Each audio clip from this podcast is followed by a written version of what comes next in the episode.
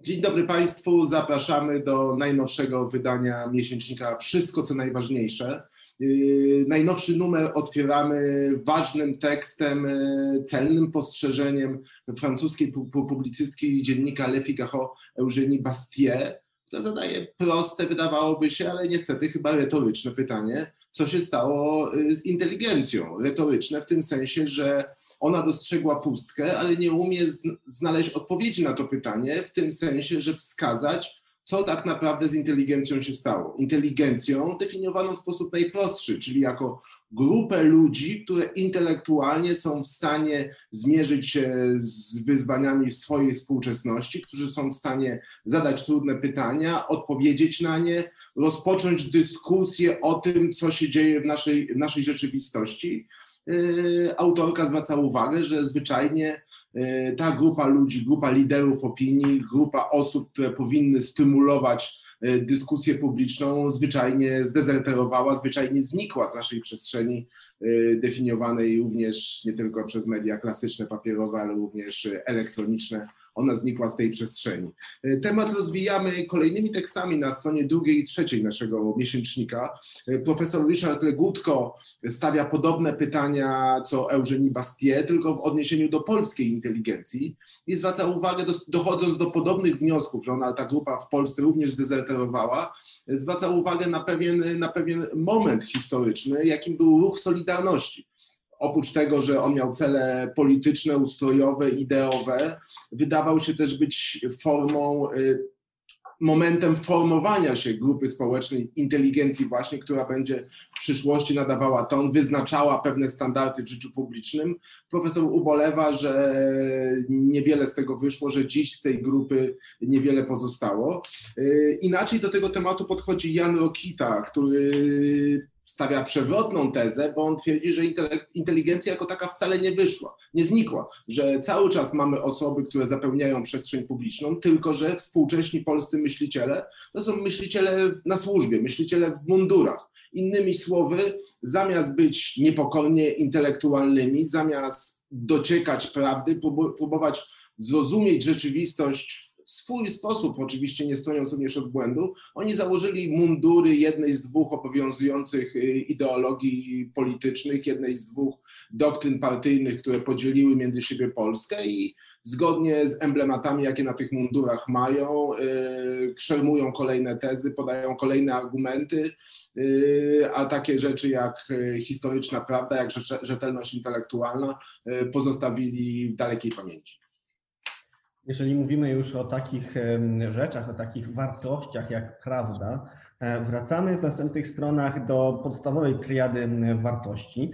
Pytając o to, czy mamy do czynienia dzisiaj z renesansem religii, proszę Państwa, bo okazuje się, że e, pandemia spowodowała bardzo wiele ruchów związanych właśnie z wiarą i e, religijnością. Pytamy, czy mamy do czynienia z renesansem religii na świecie, a jeżeli tak, to jakiej religii jakiej wiary? E, Michał Łuczewski pisze w bardzo ciekawym tekście o kościołach polskiej tożsamości. Pisze o tym, że podczas gdy oficjalne kościoły, kościoły religijne, kościoły wyznaniowe stały się coraz bardziej zimne, nasze społeczeństwo znalazło się w stanie wrzenia. I to wrzenie jest wypełniane poprzez inne formy instytucjonalnego zaangażowania związanego z religią czy wiarą. I Michał Łuczewski pisze tak, podczas pandemii wraz z globalną sekularyzacją tradycyjnych religii następuje globalna desekularyzacja nowoczesnych społeczeństw.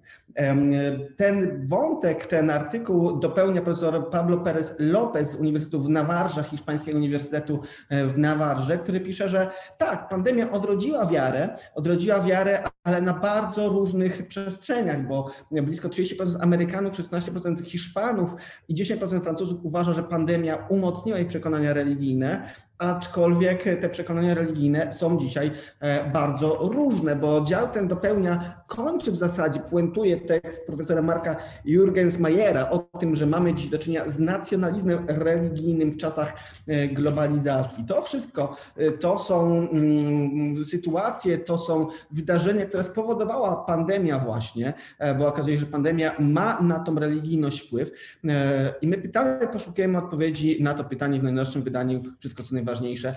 E, czy mamy do czynienia z renesansem religii właśnie? Tak, ale to nie jedyny temat, który ciągniemy, który kontynuujemy y, w tym numerze. Y, ważny moment w życiu, mam nadzieję, nas wszystkich, czyli koniec pandemii. Wygląda na to, że czwarta fala będzie już łagodniejsza niż y, trzy poprzednie, że zaczynamy wracać do normalności, ale czym tak naprawdę jest normalność? Poruszamy ten temat na łamach naszego miesięcznika trzema tekstami.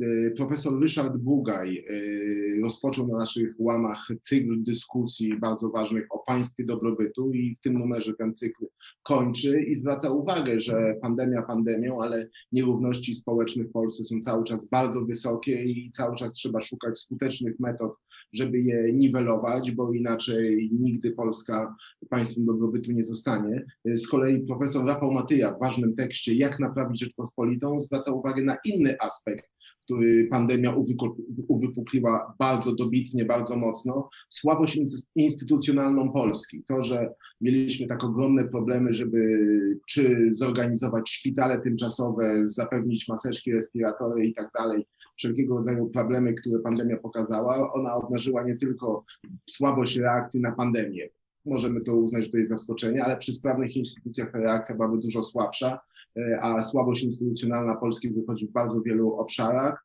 Profesor Matyja bardzo precyzyjnie to punktuje, wskazuje, obnaża te słabości i wskazuje drogi, w jaki sposób tę słabość instytucjonalną należy przełamywać. E, z kolei profesor Henryk Domański, socjolog z Polskiej Akademii Nauk, e, wchodzi do dyskusji uruchomioną przez program Polski Ład o klasie średniej. Kim właściwie jest klasa średnia? w jaki sposób w Polsce ona się zdążyła przez 30 lat y, przemian ustrojowych, transformacji gospodarczej rozwinąć, kim ona właściwie jest i czy program Polski Ład rzeczywiście polskiej klasie pomoże, czy odwrotnie okaże się on jej kulą u nogi. W tym zmieniającym się świecie nie zaprzestajemy też naszego projektu Opowiadania Polskie Światło, o którym bardzo ciekawie pisze e, Sebastian Hejnowski. Ale przede wszystkim w następnych, na następnych stronach wszystko co najważniejsze piszemy o nowym opisaniu świata w dwóch bardzo ważnych, bardzo ciekawych, proszę Państwa, e, tekstach. E, po pierwsze, Lee Edwards, jeden z najwybitniejszych amerykańskich historyków, pisze o potędze budowanej na kradzieży. Mowa tutaj oczywiście o ekspansji Chin, ekspansji Pekinu e, w kontekście innowacji, w kontekście patentów, ale też w kontekście pewnego rodzaju działań, które są bardzo jak diagnozuje Lee Edwards, jasno nazwane, to znaczy są kradzieżą intelektualną tego, co na Zachodzie zostało wymyślone. Jednocześnie Lee Edwards pisze, że Pekin pracuje nad skompromitowaniem amerykańskich organizacji opieki zdrowotnej, firm farmaceutycznych, instytucji akademickich prowadzących badania nad COVID-19, nad tym, jak z tego wyjść. Oczywiście jest to element wojny dezinformacyjnej e, prowadzonej przez stronę chińską i o tym, co z tego wyjdzie w najbliższych latach, jak można sobie z tym poradzić, poradzić, jak Zachód może sobie z tym poradzić, pisze właśnie w tym najnowszym wydaniu Lee Edwards. Jednocześnie patrzymy na Daleki Wschód w tym najnowszym naszym numerze, bo profesor Kishore Mahbubani, jeden z najwybitniejszych filozofów, e, intelektualistów i myślicieli prosto z Indii, mówi o tym, że Indie wygrywają wielką e, grę. Posługuje się bardzo zręcznie metaforą historyczną, mówiąc, że przez 1800 lat naszej historii to Indie i Chiny właśnie należały do grupy G2, czyli największych gospodarek świata i Indie e, mają pełne prawo, ochotę i wolę włączyć się znowu do tej grupy najważniejszych gospodarek świata, mocarstw świata, który rodzi się po pandemii e, koronawirusa. Magubani e, często gości na łamach francuskiego Le Figaro. Bardzo serdecznie Państwa zapraszamy do lektury tego tekstu i całego najnowszego wydania Wszystko, co najważniejsze. Dziękujemy bardzo.